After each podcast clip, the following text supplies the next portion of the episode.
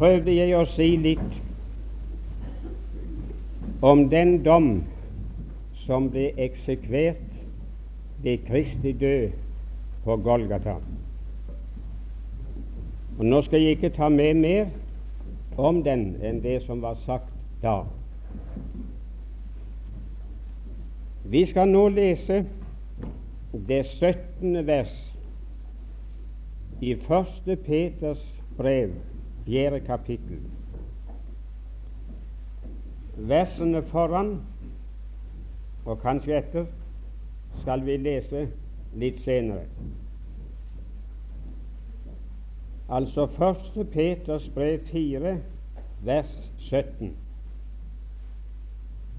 For det er nå tiden da dommen skal begynne med Guds hus. Men begynner det med oss, hva blir da enden for dem som ikke vil tro Guds evangelium? Det er nå tiden da dommen skal begynne med Guds hus. Og det er altså den dom, dommen over Guds hus, som vi vil samle oss om nå. Og Da tror jeg det er nødvendig med et par bibelord å få gjort det helt klart for oss hva vi har å forstå med Guds hus, det som er gjenstand for den dom vi her har lest om. I eh, 1. Timotius 3, 14 og 15, det kan vi stoppe og lese. Første Timotius brev 3, 14, 15. Dette skriver jeg til deg, skjønt jeg håper snart å komme til deg. Men om jeg venter med å komme, at du da kan vite hvorledes en bør ferdes i Guds hus, som er den levende Guds menighet, sannhetens støtte og grunnvoll. I Hebreabrevet 3 og 1-6 Vi kan notere det, men jeg tar ikke tid til, til å slå opp og lese alle seks vers. Men der står bl.a. at Hans hus, det er vi. Og her i vers 17 i Peters brev leser vi det er nå tiden da dommen skal begynne med Guds hus. Men begynner den med oss, hva blir så enden med de som ikke vil tro Guds evangelium? Det synes meg da helt klart at Guds hus og oss er identisk. Oss er de troende, og de troende er Guds hus. Og hele samlingen av de som tror Guds evangelium, det er menigheten. Så vi har ikke her å gjøre med en bygning som er gjort med hender, verken en kirke eller et bedehus eller et annet lokale. Gud bor ikke lenger i huser som er gjort med hender. Ethvert hus er likt for Herren, selv om det ikke brukes slik. Men nå er Guds hus bygd av levende stener, av frelste, troende mennesker. Og så sies det at nå skal dommen begynne med Guds hus. Og huset der betyr i egentligste forstand familie. Så vi kan si at den skal begynne med Guds familie. Eh, jeg kan f.eks. snakke om mitt hus i eh, to betydninger. Jeg kan tenke på bygningen som står der oppe på haugen, og si at det er mitt hus. Men så kan jeg tenke på selve familien som hører meg til, og si at det er mitt hus. Og i Skriften er det brukt på den måten. Tenk f.eks.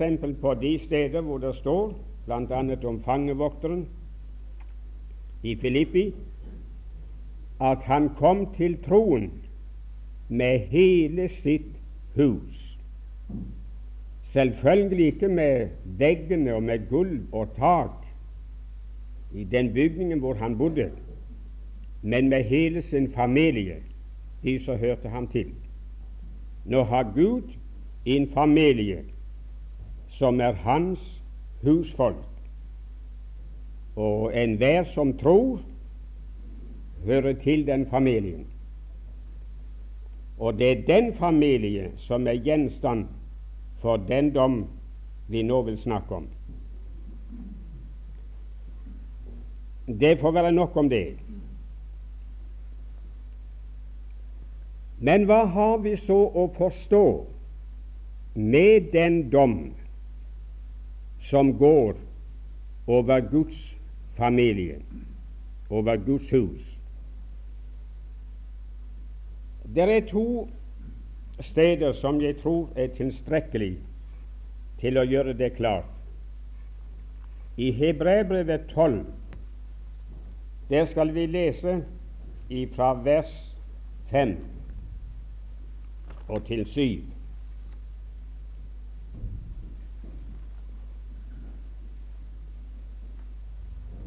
Og dere har glemt den formaning i parentes De troende hebreere hadde ikke glemt alle Herrens formaninger.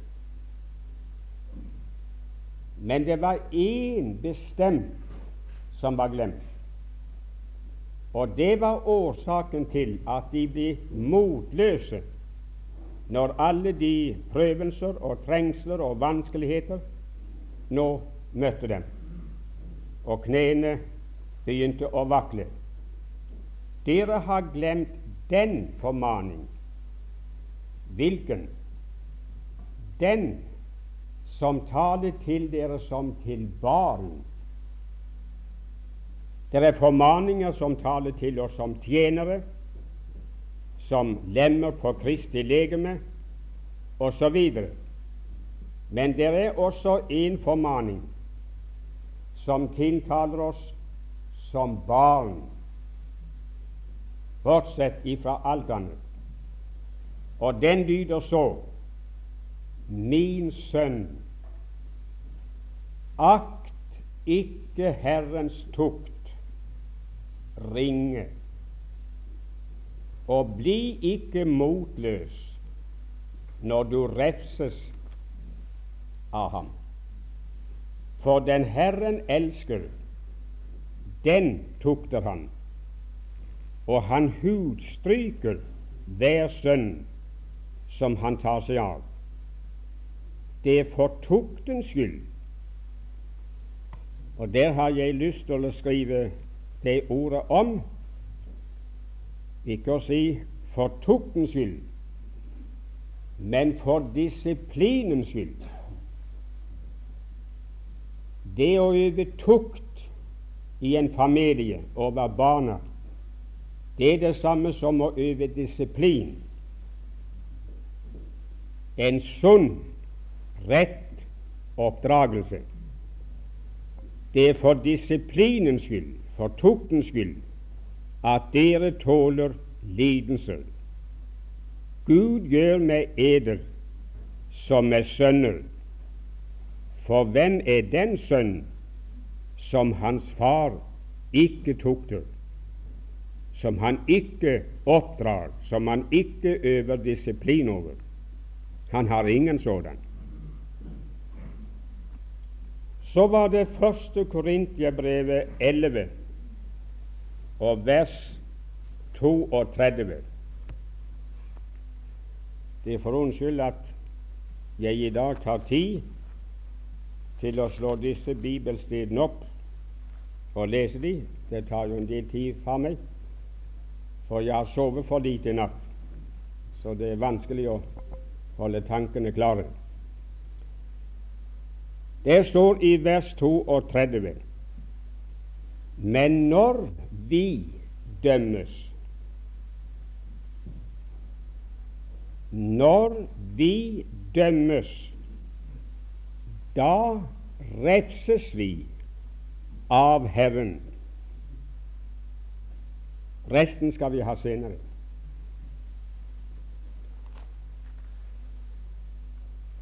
Det å dømmes av Herren som et lem av Hans familie, Hans hushold, det er det samme som å bli gjenstand for refselse. Og refselse, det er betegnet som tukt eller disiplin, oppdragelse.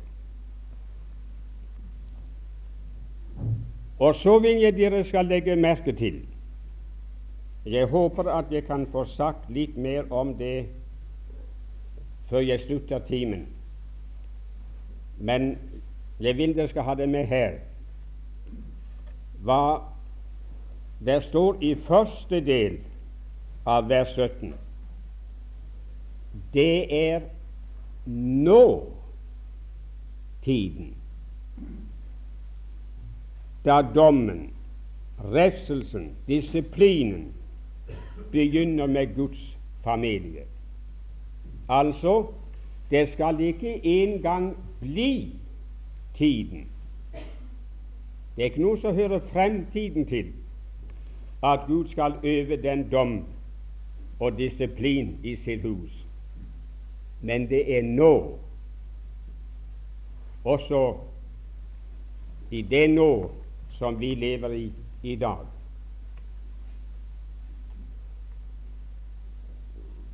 Jeg skal komme tilbake til sammenhengen.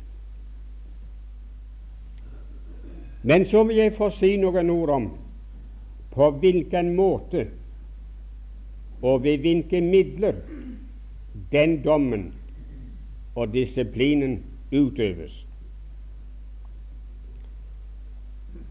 Dessverre så kan jeg ikke få ta med alt det som, uh, som burde være sagt om det.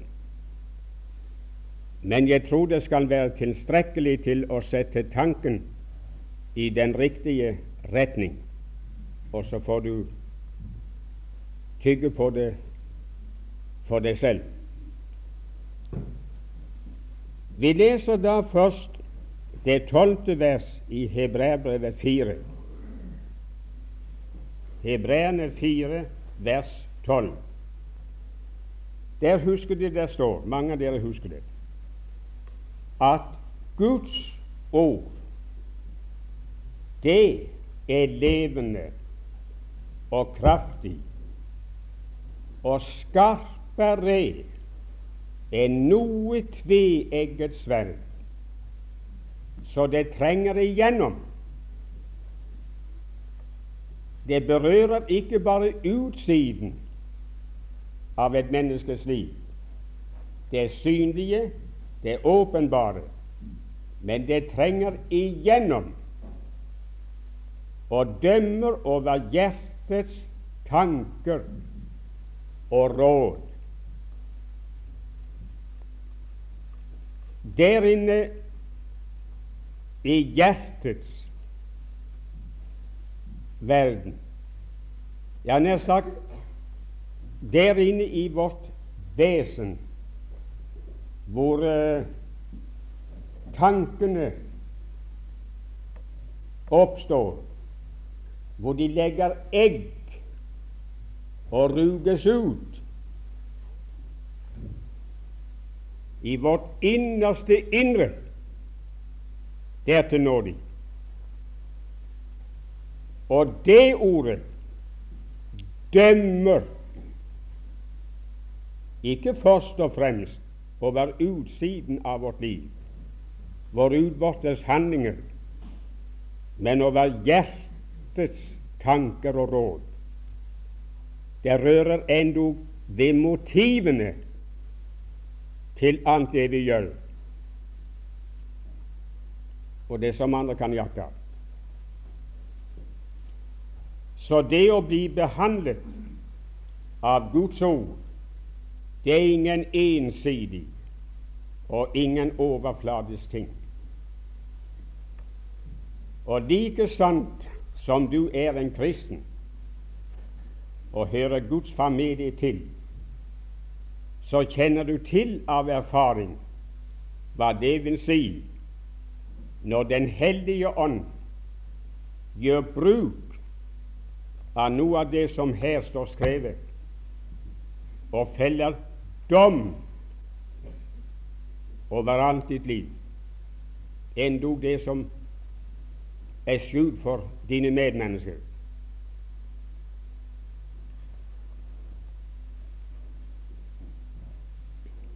Det trenger deg gjennom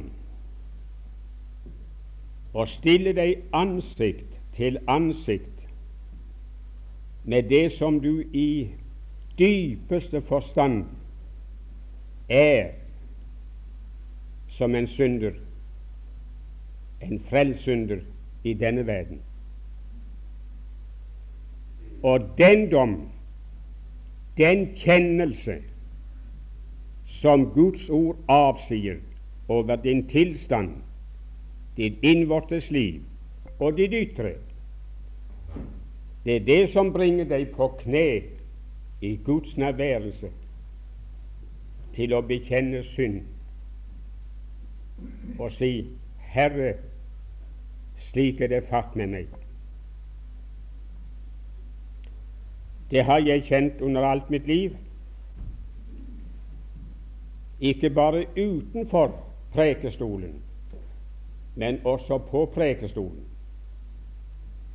På prekestolen der står jeg og bruker det sverdet på andre, på mine medmennesker og mine medsøskne. Og i mange tilfeller vet jeg at det for manges vedkommende kan føles skarpt, og noen synes det er for hardt. Men venner, det er også en egg på det sverd som rammer meg selv, som feller dom over meg selv og sette meg selv på plass for Herrens ansikt. Jeg kan preke om hva jeg vil. Jeg kan preke om tro. Jeg kan preke om kjærlighet. Jeg kan preke om lydighet, osv. Og, så er det akkurat denne som det står en bak øret og hvisker til meg og spør Unnskyld, tror du så meget selv? Er du så lydig selv?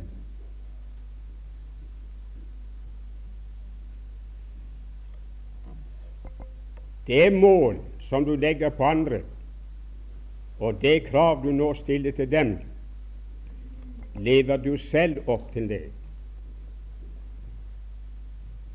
Og den dom, den kjennelse, som da går over alt mitt, mitt liv, tvers igjennom, det setter meg på plass.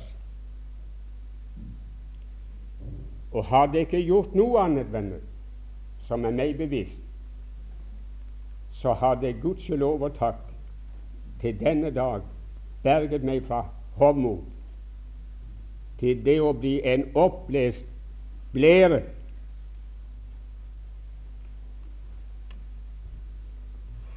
Jeg har fått skryt iblant, rett i ansiktet. Men det folk har sagt til meg i ansiktet, som har form av skryt, av ros, det har aldri vært så farlig. Det er ikke ofte det har kommet innenfor Vesten, meg bevisst.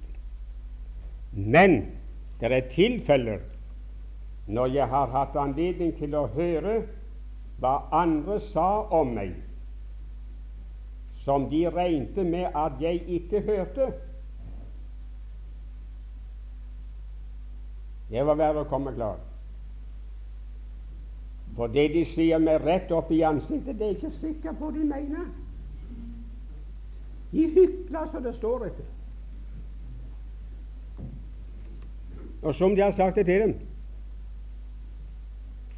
Men det som de sier om meg bak ryggen, som er til beste for meg, som er til ros, som en kompliment, det mener de. Og det er det, venner, som vil løfte meg litt for høyt. Men den boken der, og Den hellige ånd han lot bo her, har gudskjelov og takk forholdt meg på jorden ennå.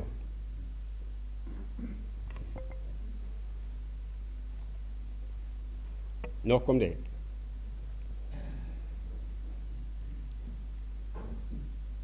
Skal vi så lese sammenhengen her hos Peter fra vers 12, altså 1. Peters 4. I elskede, undre eder ikke over den ild som kommer over eder til prøvelse, som om det hendte eder noe underlig noe merkverdig, noe eksepsjonelt. Nei da. Men i samme mon som I har del i Kristi lidelser, skal I glede, for at I også i Hans herlighets åpenbarelse kan glede eder med jubel. Om I hånes for Kristi navns skyld, er I salige, fordi herlighetens og Guds ånd hviler over eder. For ingen av eder må li som en morder eller tyv. Det skulle bare mangle. Det skulle bare mangle, venner, vi var en kristen. Og så kunne de med sannhet anklage oss for og irettesette oss og håne oss for tyveri osv åpenbare synder og last.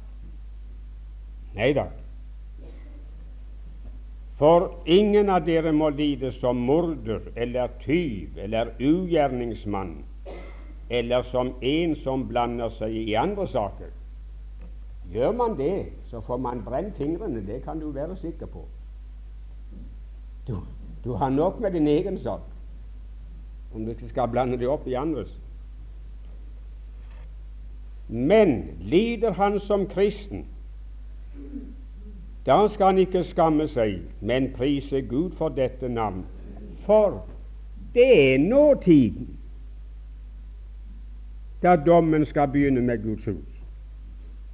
Så brødre, hvis noe av dette som føles tungt, vanskelig og prøvsomt, kommer over dere, det kjennes som en ild, og den svir. Den volder smerte.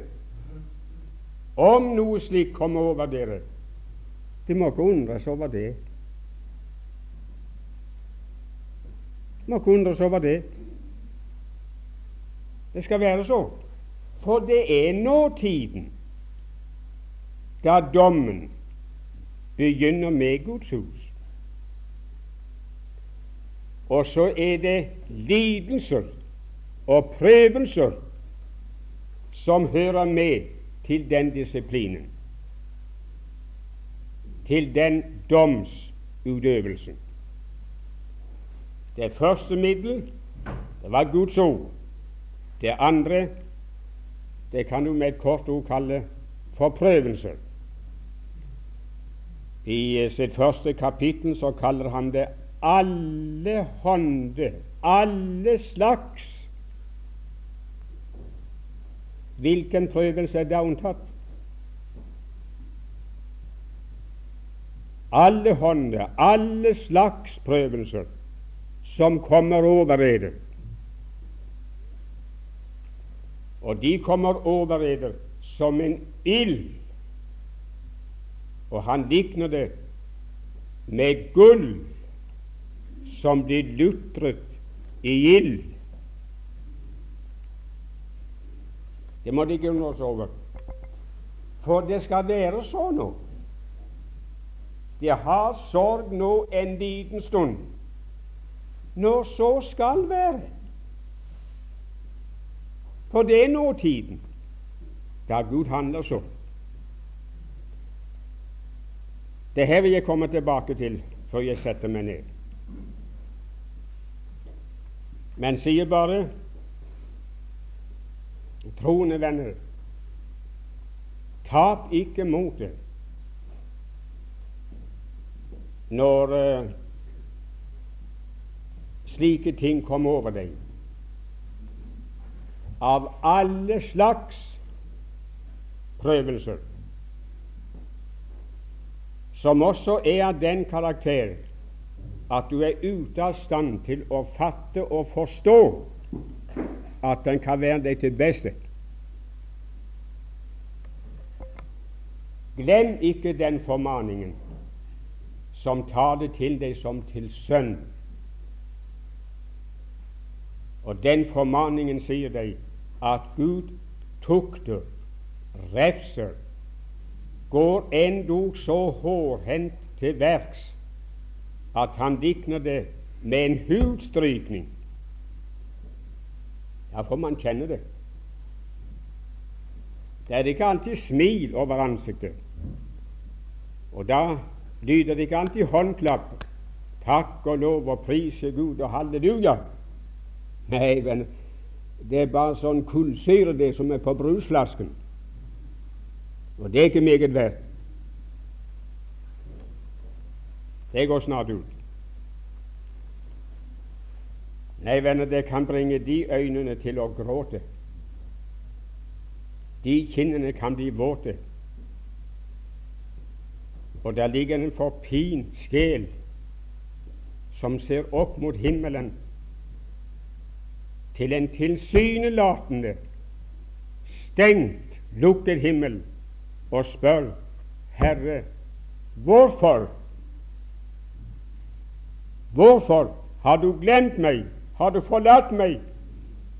Hvorfor skal jeg ha det sånn? Venner, hvis Gud under sånne omstendigheter fant jeg tjenlig og viselig og ville rope ned gjennom skyene og svare deg, så vil han si det er fordi jeg er glad i deg.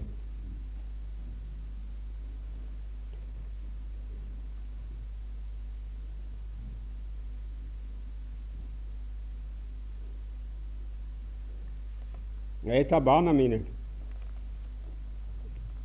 Jeg ser deg ikke, men er du her, så, så tåler du visst å høre det.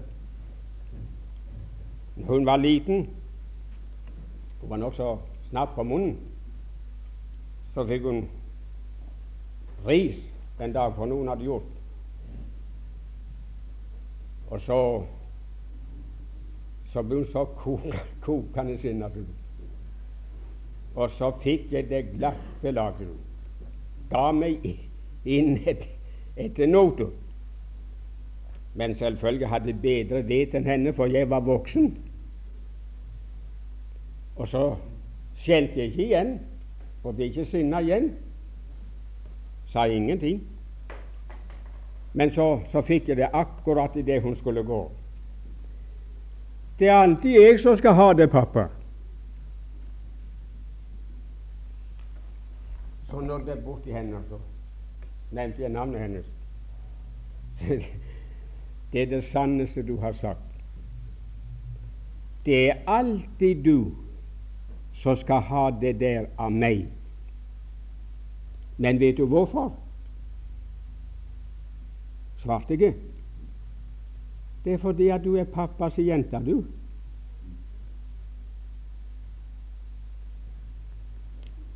Hun fødte også til da hun sa det. Det er alltid jeg som skal ha det. Du gjorde ikke sånn med Ester. Ja, ja, bror hennes sitter her. Nei, jeg gjorde ikke sånn med Ester, for det er ikke min jente, det. Det er naboens. Og skal hun ha ris og tuktes, så får han gjøre det. Det har ikke jeg noe med. Men du er pappas jente, du. Og det er fordi jeg er så glad i deg at jeg kan ikke se på at du skal gjøre noe sånt. Og så må jeg gjøre det. Hun gikk, men hun så sur ut. Men det var ikke lenge så kom hun inn der hvor jeg satt og arbeidet, og jeg lot som jeg ikke så henne. Men så kjente jeg noe som strøk opp etter knærne. Kom hun like nær.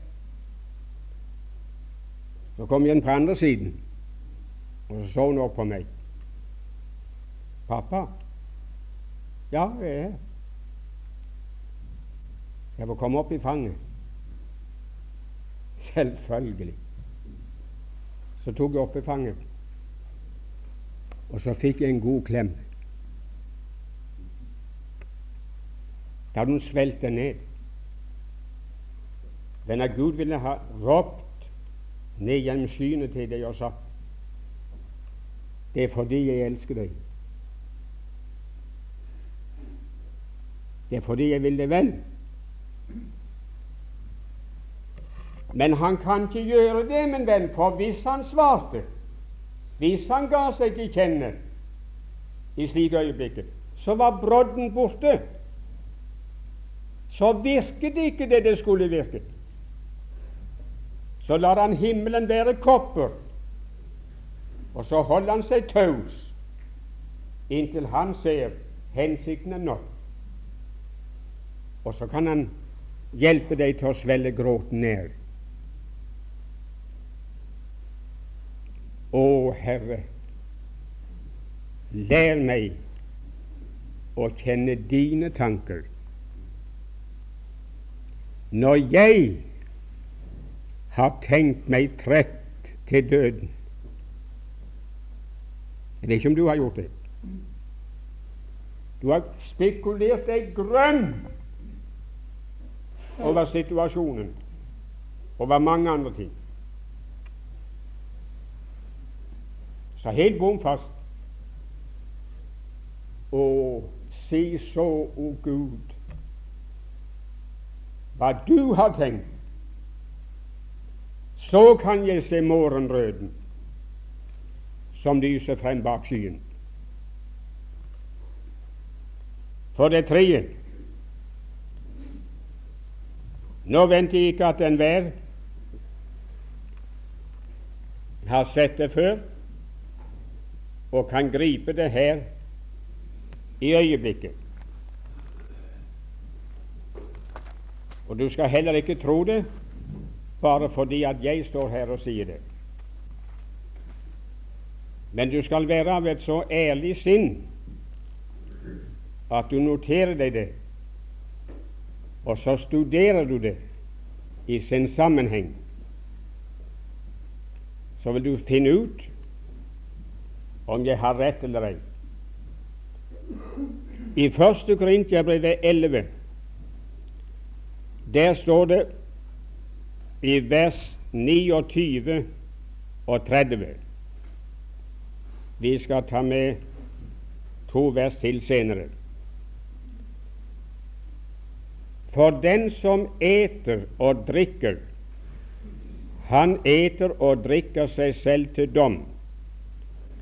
Her er tale altså i sammenhengen om den måten som de i Korint den gangen eh, praktiserte å nyte Herrens nadvære på. Eh, det, er mange,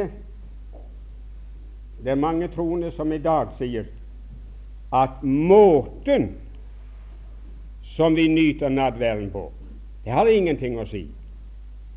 Bare vi nyter den, så har ikke måten noe å si.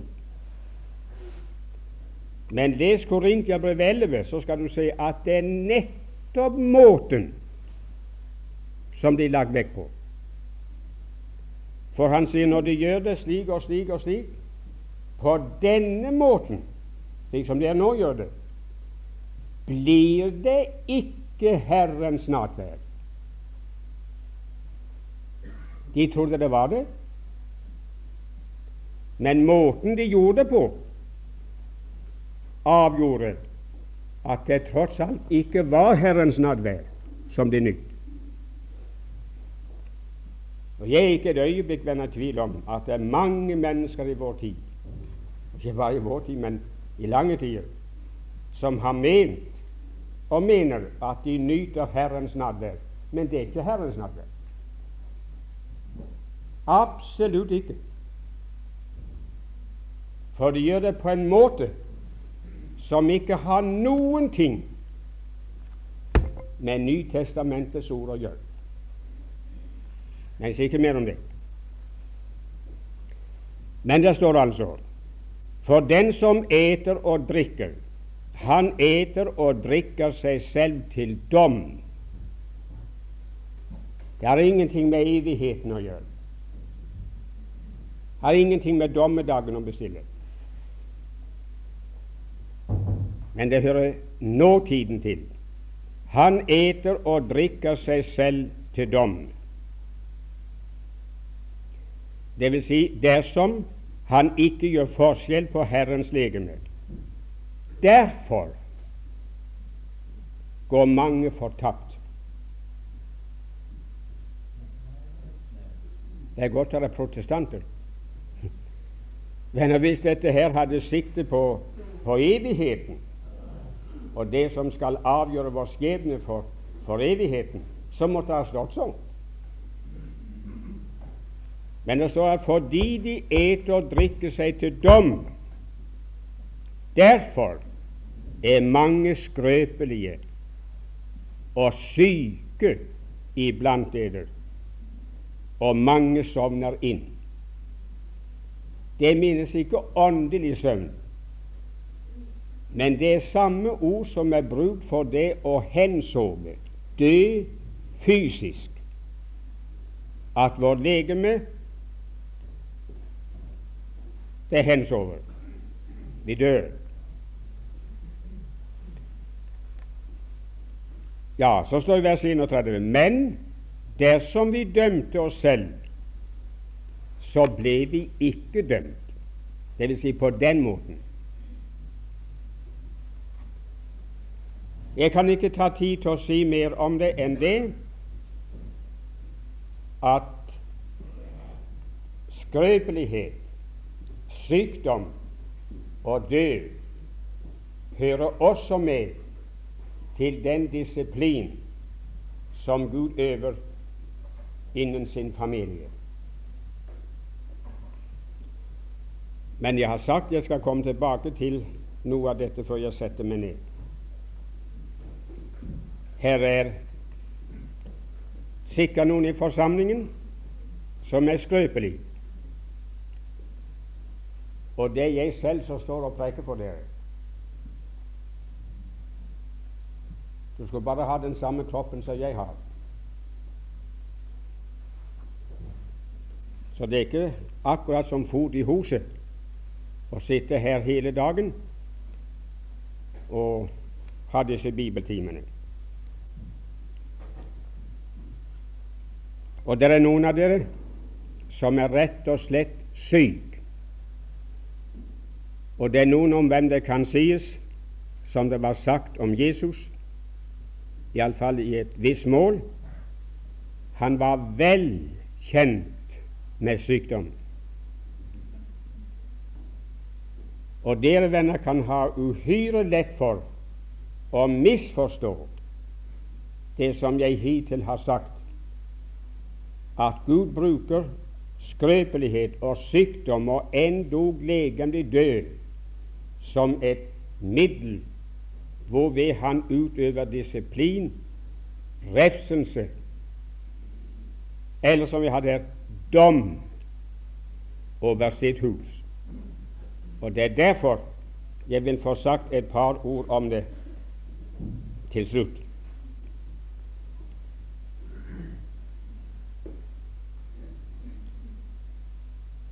Så kan de notere dere første Korintiabrev 5. Og der de Ja, fra vers Ja, de kan ta fra vers 1 og til vers 5. Det tror jeg nok at jeg bare refererer det. Der skriver Paulus om en bestemt mann innen menigheten som hadde gjort seg skyldig i en bestemt grov synd. Beregnet uttrykk. En grov synd. Åpenbar synd. Den mannen må settes under tukt. Og ikke bare han, men selv de andre troende må tuktes for uh, den sinnsinnstilling som de har.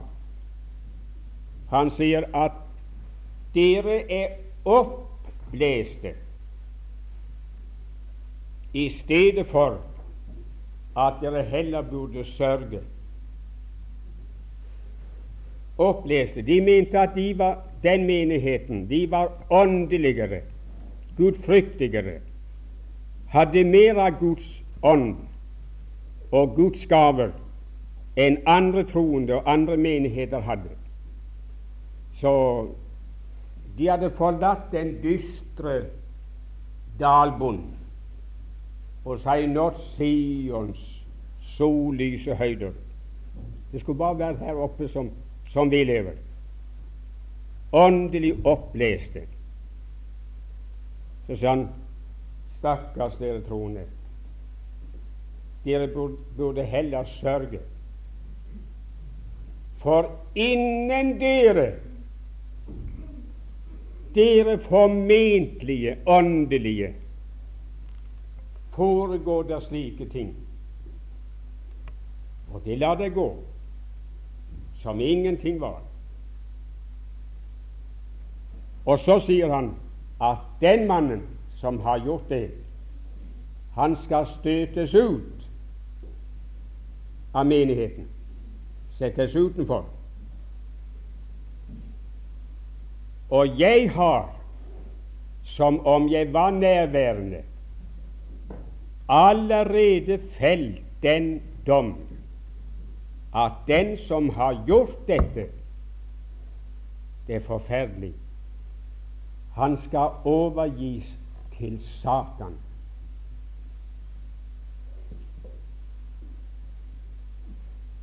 Hvorfor? I hvilken hensikt? Han skal overgis til Satan, til kjødets ødeleggelse for at hans ånd kan bli frelst på Jesu Kristi dag. Det ser for meg ut, venner, som at det var den eneste vei Gud så, som far bar for å bringe den mannen til erkjennelse av at det han hadde gjort, det var synd, og at det var skjedd noe galt i hans indre liv. Jeg har sagt det mange ganger, jeg sier det igjen, og jeg tror det.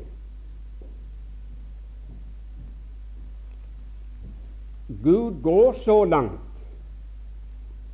for å få sine hjem at han endog kan overgi oss til Satan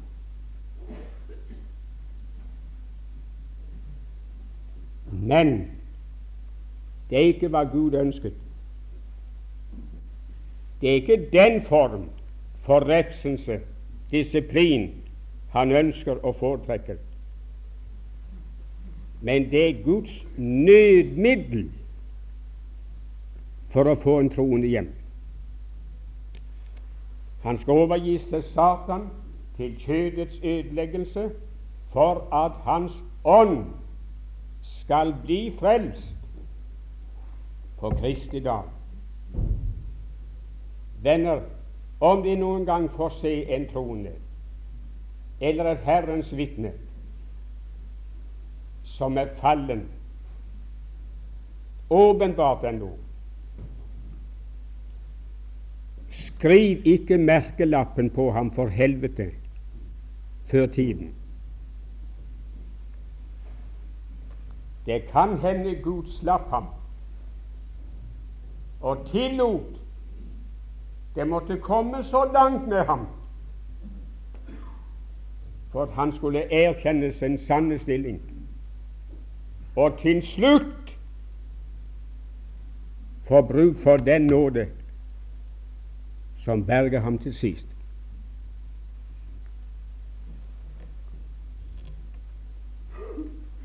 Det får være med det.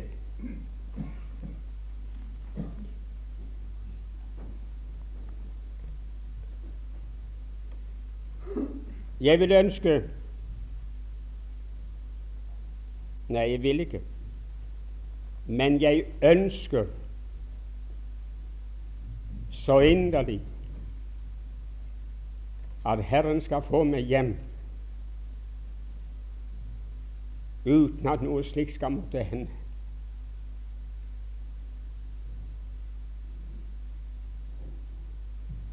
Det ville være forferdelig om det skulle bli kjent for de troende utover landet som har bedt for meg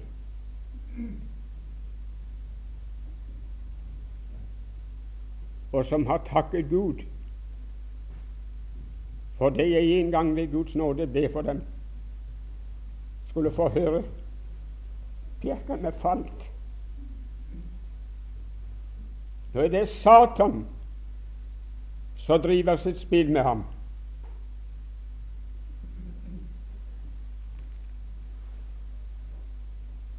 Jeg har ikke ord for det. Men, godt folk, kan ikke Gud få bevare mitt sinn og min erkjennelse ren og rett for ham, så lar han slik skje.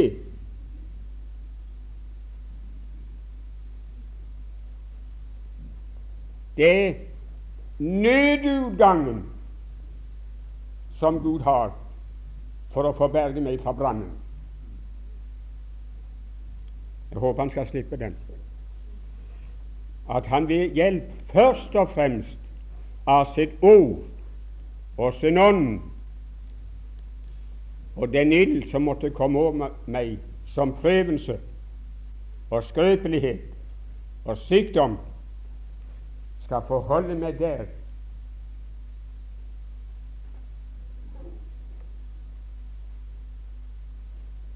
Ja. der hvor jeg har bruk for ren, blank og ublandet nåde. Og så lever jeg den.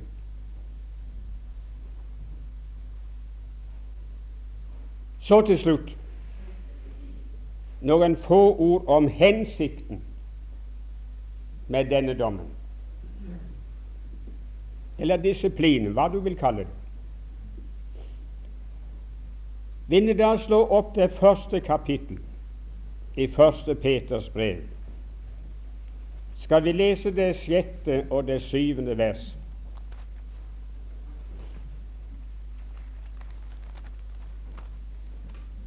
Og vil dere troende venner ta det med hjem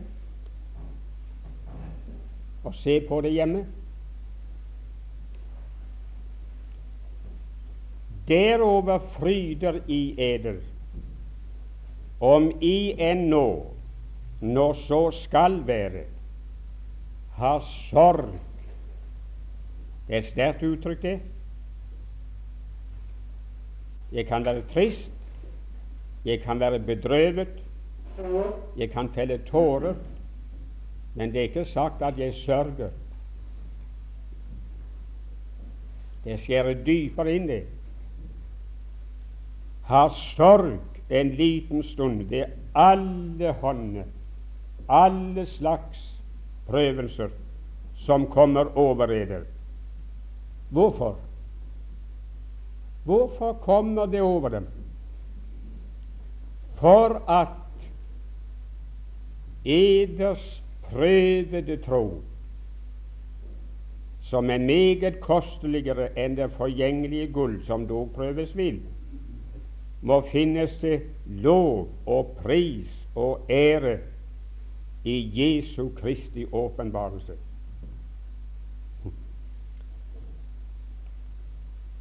Du store verden. Denne Gud arbeider alltid på lang sikt. Det er omtrent som når de planter skau, iallfall her på Karmøya.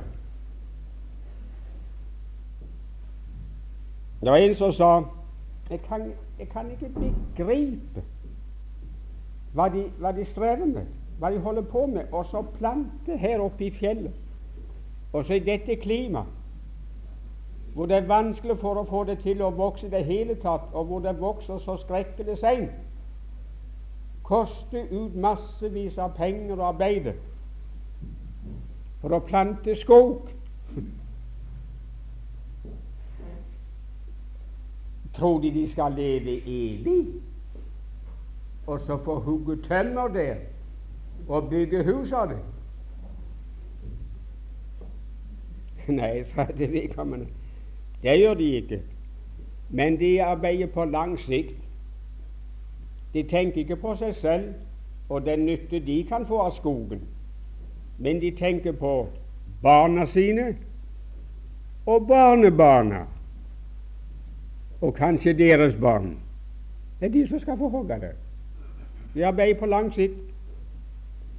Men når Gud handler med deg og meg, så tenker han ikke på den takken, den prisen, den æren som vi gir ham og kan gi ham i dag, mens vi lever nå, og enda mindre i dette nuet. Ja, nær sagt, som Nilsen sier i andre forbindelse, blås i det. Gud blåser i det. Det er når han har lagt hånd på evigheten. Han har lagt hånd på det som skal finne sted i Jesu Kristi åpenbarelse. Det er da noen venner i denne verden som har hatt en prøvet tro. En prøvet tro. Som har måttet stått sin prøve under de hårdeste og såreste prøvelser og lidelser. Den tro skal finnes til ære og pris i Hans åpenbarelse. Her gråt de, her skrev de, her klaget de, her forsto de ingenting. Her var alt sammen et hvorfor. Da er alt klart. Så, å Herre, takk for de gangene du brakte meg til å gråte.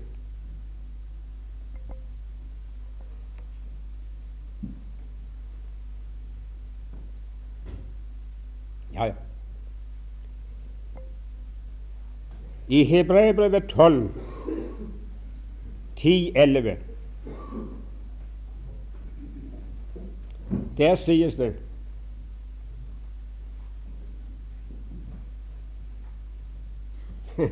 Ja, ja, vi skal se.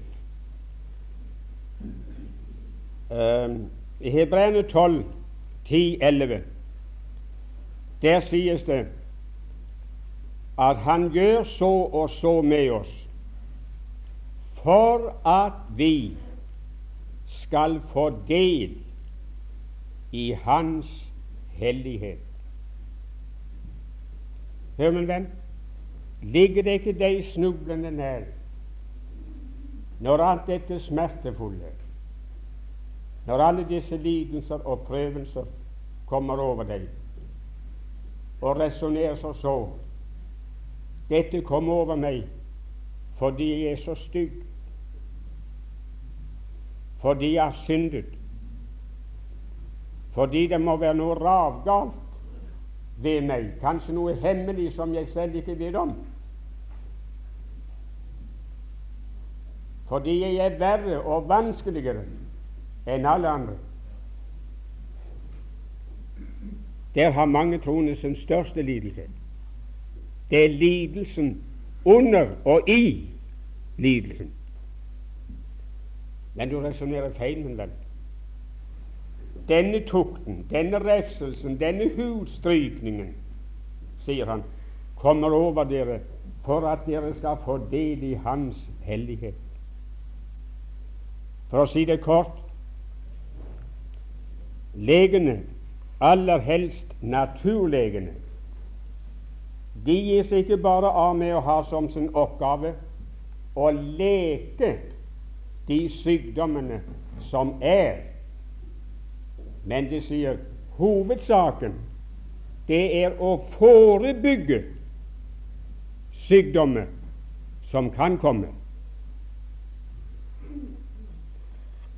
Og det Gud legger mer vind på enn noe annet, det er å forebygge åndelige ulykker i vårt liv. Så mye av det vi lider og må lide. Det kom ikke over oss fordi det gale vi har gjort, men å få bevare oss fra noe ukjent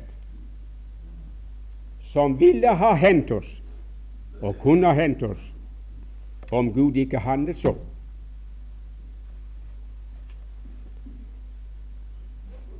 Eh, jeg tror jeg må få sagt det, for jeg setter meg.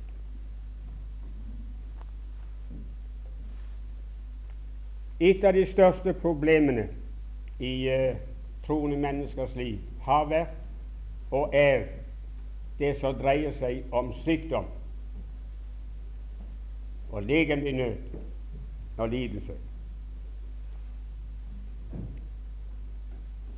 Noen mener, og jeg har nettopp lest en bok, og det er i sin slags noe av det beste jeg har lest, som sier at all, all sykdom er fra djevelen.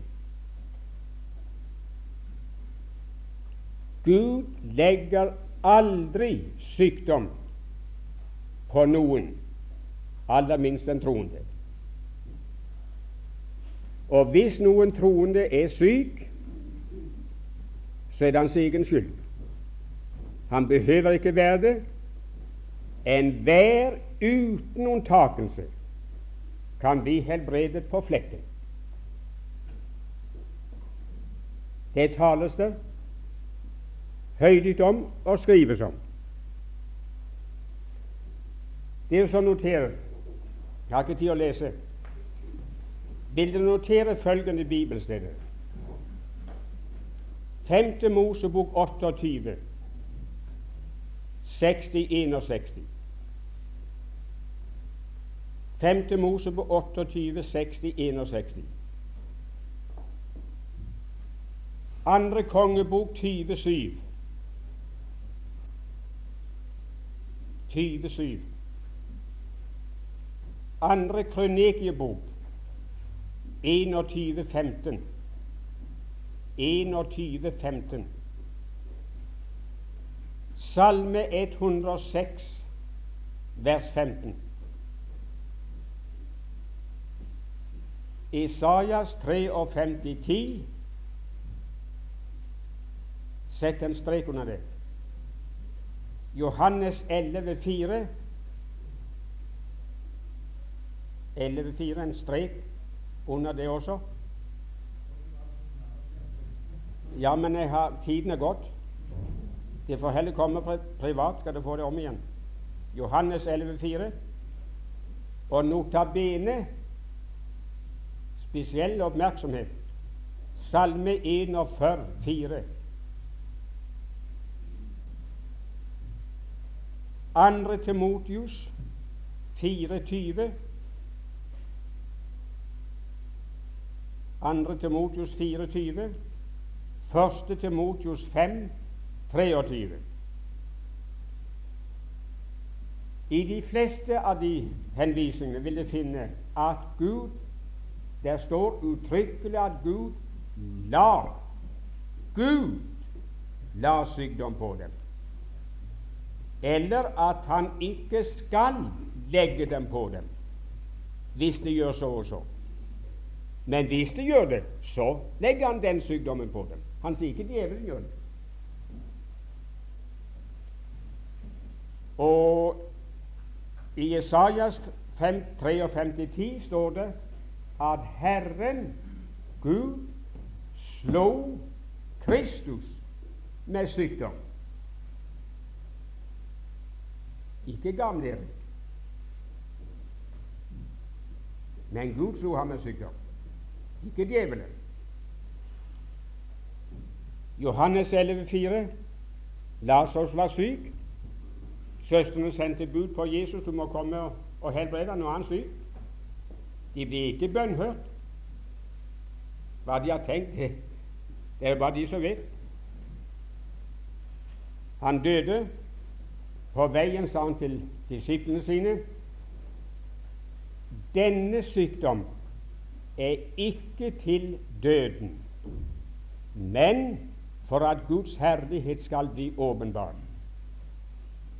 Hvis nå det var Satan så la den sykdommen på Lasarus, så må Satan ha vært interessert i at Guds herlighet skulle åpenbares. Eller så må jeg være forferdelig dum. Da forstår jeg ingenting.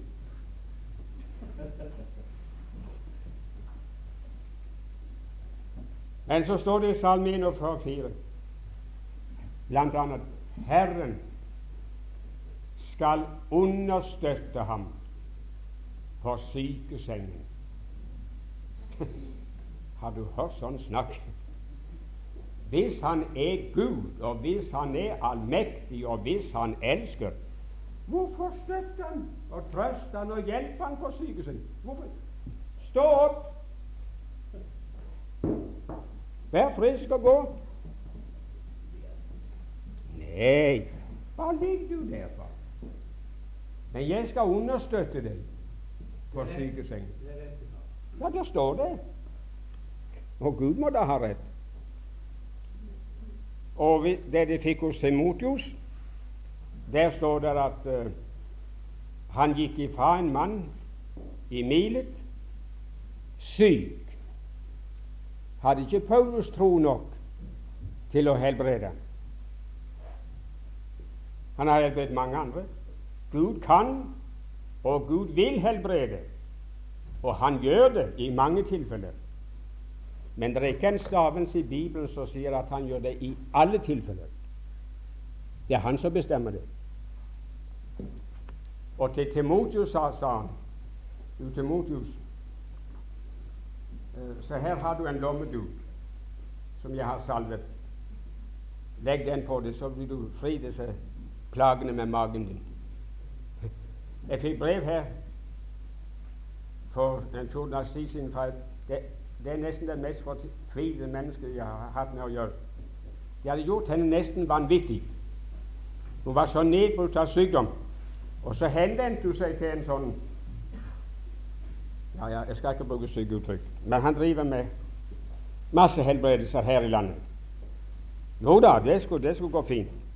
Så salvet han en uh, håndduk og den må du ligge på i syv døgn. Legge den midt under ryggen, og så blir du frisk. Og jeg la meg på duken, sa hun. Aldeles sikker på at når syv døgn er gått, så er jeg frisk. Og sist natten det var ikke tale om å sove, for jeg ventet bare nå. Nå kommer det. Men det kom ingenting. Hun ble ikke frisk. Så holdt det på nesten gå på vettet. Så henvendte hun seg til en annen som drev på samme måten. Ja, så han, det er ikke noe å si på det at han salver duen, og, og det, det, det, er greit nok, det, sa han. Men nå skal jeg salve en duk, og så ligger du på den i syv døgn, og så blir du frisk. Så jeg skal hilse og si hun blir frisk. Hun lå i samme spenningen, skjedde ingen forandring. Og nå skrev hun fordi hun holdt på å miste sin forstand, eller ta sitt liv. For hvis ikke det var fra Gud som var fått, så kunne ikke, hadde du ingen garanti for at alt det andre var fått fra Gud, uh, av Guds ord, var fra Gud. Det var rent fortvilt. Slik blir folk mishandlet. Legger han sa til Motus, til Motus Nyt heller litt vin for din mage og dine hjemlige sykdommer.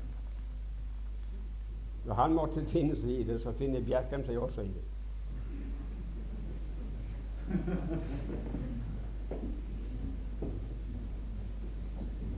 Ja, du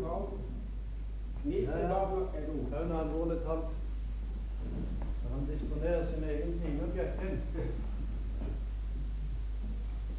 Jeg bare må få fem minutter. Det er sjelden jeg bryter inn i en annen manns vei. Men da hadde jeg sannelig hatt lyst til å gjøre det. Og noe hadde jeg på hjertet å si. Og Hebreerbrev 4.12. Jeg vil ikke si noe. Det skal bli anledning siden, for dette vil jeg henge fast i. Jeg bare sier det at i dag har du en time reist på 70 000 favner vann. Det kan du huske. Siden kommer det jeg vil ha sagt. Ja, ja, vi tar en liten pause. 对他，他们是对。